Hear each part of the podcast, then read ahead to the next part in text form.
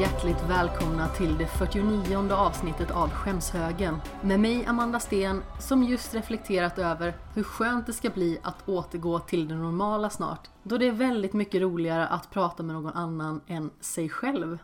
Idag är det dags för det sista avsnittet på egen hand tillika det sista avsnittet innan topp 50 ska rivas av. Utan krusiduller tycker jag därför att det är lika bra att kasta sig in i de tio nästkommande spelen på min lista över decenniets bästa spel. Position nummer 60 till 50.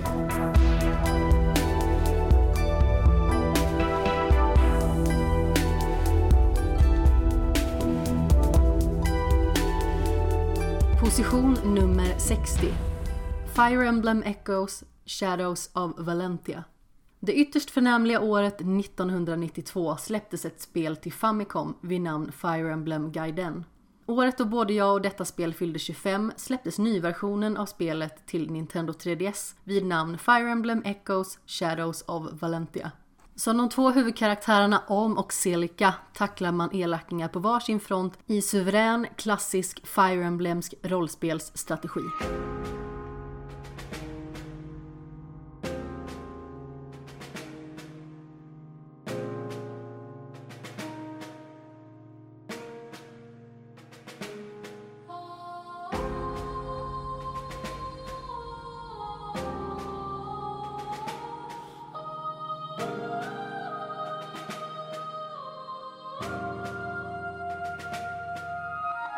Position nummer 59 After Party Att byta riktning och göra någonting annorlunda är något jag ofta uppskattar. Att ha mod nog att testa nya vägar, även att det är lätt att försöka upprepa tidigare succé. Night School Studio, även kända som skaparna till Oxenfree, vill jag påstå gjorde detta med After Party. Detta spel innehåller en av de mest tokroliga premisser jag någonsin hört som studion också lyckas leverera ett konversationsbaserat, komiktungt kanonspel utifrån. De nära vännerna Milo och Lola har avlidit och hamnat i helvetet. Hur de dog eller vad de gör i detta skållheta efterliv har de ingen aning om. Det enda de vet är att deras slutmål är att de kan få återvända till jordelivet om de lyckas supa djävulen under bordet.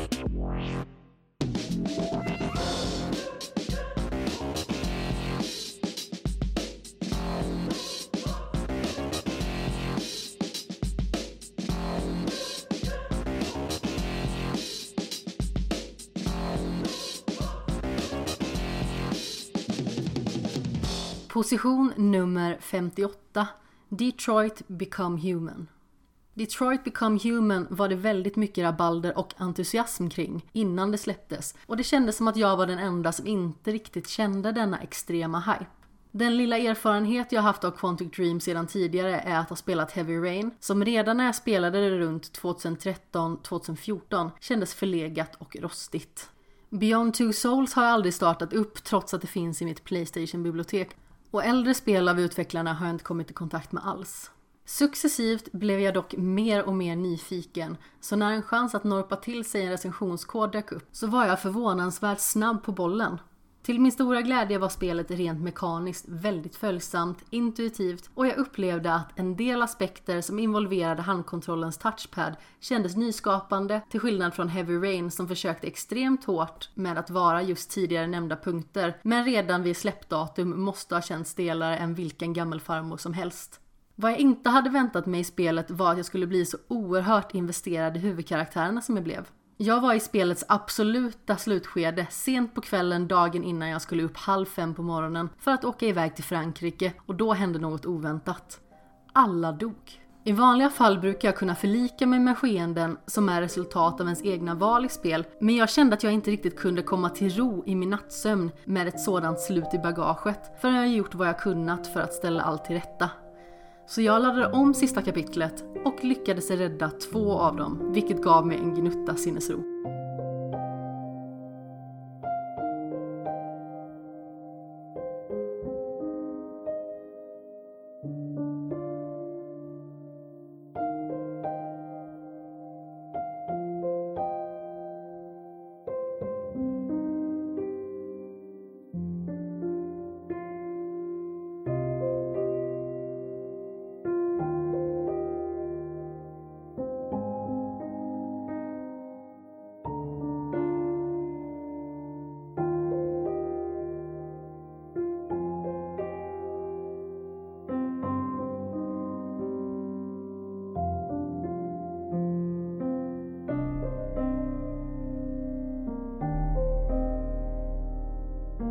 Position nummer 57, Guacamele 2. Denna slagfärdiga indie metroidvania uppföljare tar vid sju år efter händelserna i det första spelet. Luchador Juan har stadgat sig, är nu fader till två barn och han är dessutom fullkomligt ur form. När informationen når honom att hela Mexiversum är i fara blir han tvungen att lämna denna gemytliga tillvaro och dra på sig masken igen. Denna uppföljare är ett tämligen klassiskt exempel på en sådan. Större, mer och nästan lika bra på alla punkter. Men bara nästan.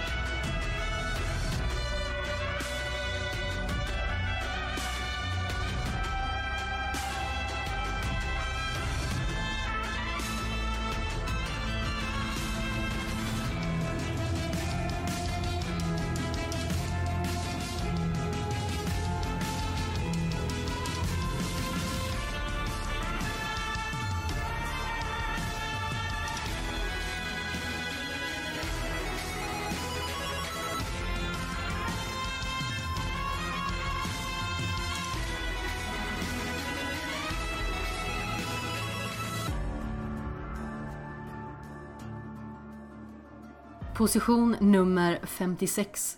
Star Wars Jedi Fallen Order. I en galax långt borta på en spelkonsol oerhört nära tog jag fram ljussabeln ur bakfickan och tog mig an sandrecenserade Respawn Entertainments Star Wars Jedi Fallen Order. Detta stjärnkrigsäventyr äger rum fem år efter Episod 3, Mörkrets hämnd, i en tid som genomsyras av hopplösheten kring jedi-riddarnas så gott som totala utrotning, samt det ondskefulla imperiets frammarsch. Trots att huvudkaraktären Cal var träigare än en tall och att rännandet fram och tillbaka över kartan inte gjorde spelet några tjänster fanns det många ljuspunkter i detta rymdäventyr. Det är få saker i spel som fått mig att känna mig så häftig att jag nästan kreverat som ljussabelparerandet. Att avleda laserskott så att dessa återvänder till styggingen som haft fingret på avtryckaren är löjligt tillfredsställande. Och just det, jag vill fortfarande ha en egen BD-1.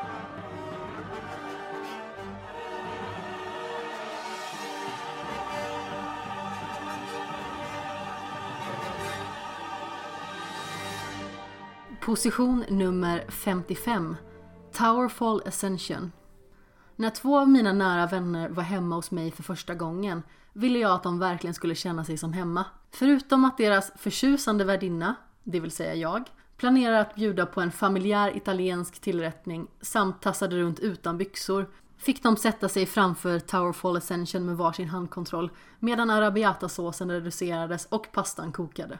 Min dåvarande lägenhet var enbart 27 kvadratmeter och utformad på så vis att jag kunde stå vid spisen och samtidigt ha insyn rakt in i vardagsrummet och på TVn. Det var en fröjd att observera dessa två som aldrig testat Towerfall tidigare och vad detta spel gör för stämningen med sin höga urballningsnivå. När jag firade min födelsedag i fjol blev mina ordinarie planer inställda och då besökte en av dessa två vänner mig och förutom thaimat, Mindhunter och Overcooked så spelade vi Towerfall Ascension.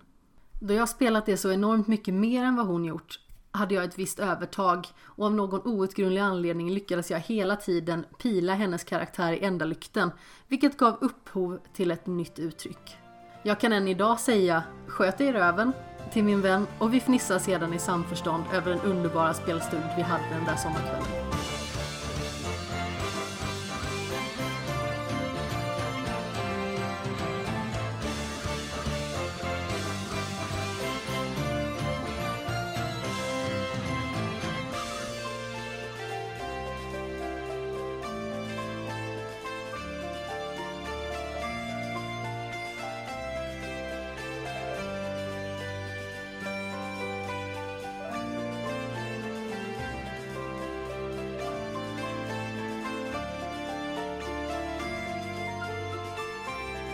Position nummer 54 Mario Kart 8 När jag flyttade in i min lilla lägenhet 2016 hade jag inflyttningsgalej med vänner jag lärt känna sedan jag blivit mer involverad i videospelsvärlden och det spel som gick varmast var Mario Kart till Wii U.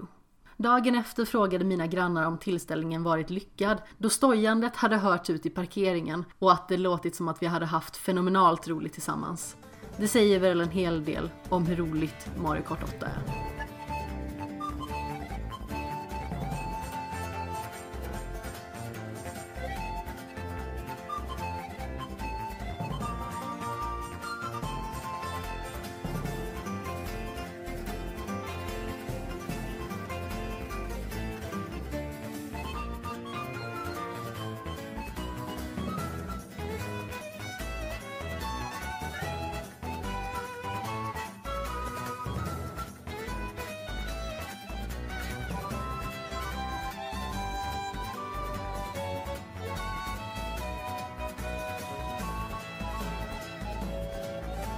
Position nummer 53, Portal 2. Det är svårt att inte förälska sig i första persons pusselplattformaren Portal och när möjligheten finns i uppföljaren att ta sig an testkammare i kooperativt läge, då är det svårt att inte bli förälskad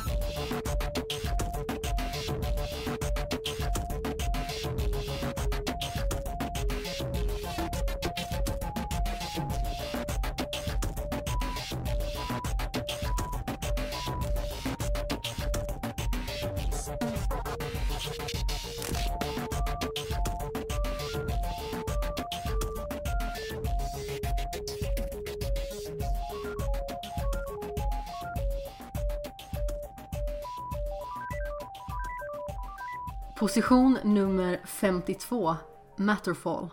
Här kommer det nu, det högst positionerade spelet bland Housemarks titlar på denna lista. Som den rymddräktsbeprydda hjältinnan Avalon Darrow stiger man in i en futuristisk plattformsskjutare som det är svårt att inte dra paralleller till Metroid i. Det är inte bara så att detta är det bästa spelet av studion. Givetvis är det också spelet med mest fenomenala partikeleffekter.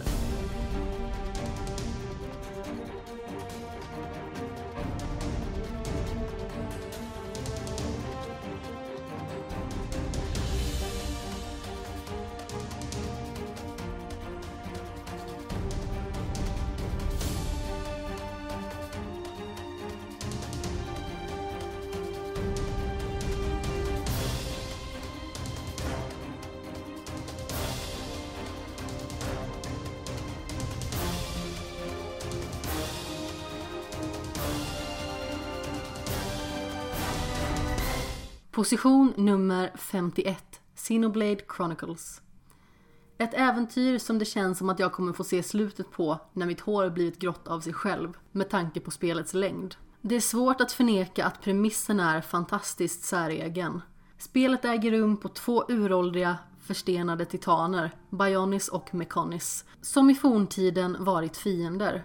Även befolkningarna på dessa är i strid mot varandra och precis som namnen antyder är det de organiska livsformerna som ställs mot de maskinära. Människa mot maskin, i mångt och mycket. Vad som är den absolut bästa och för mig viktigaste säljpunkten är världen Sinoblade Chronicles utspelar sig i. Den är väldigt storslagen och känns framförallt väldigt levande var jag än befinner mig på kartan. Detta är med stor sannolikhet ett resultat av dess intressanta uppbyggnad på titanerna och att miljöerna är väl förankrade utifrån dem. Med musiken som vandrar mellan rörande finstämd, i sann rollspelsanda och storslagna stycken som för mig framåt byggs känslan konstant upp att jag är på ett oförglömligt äventyr.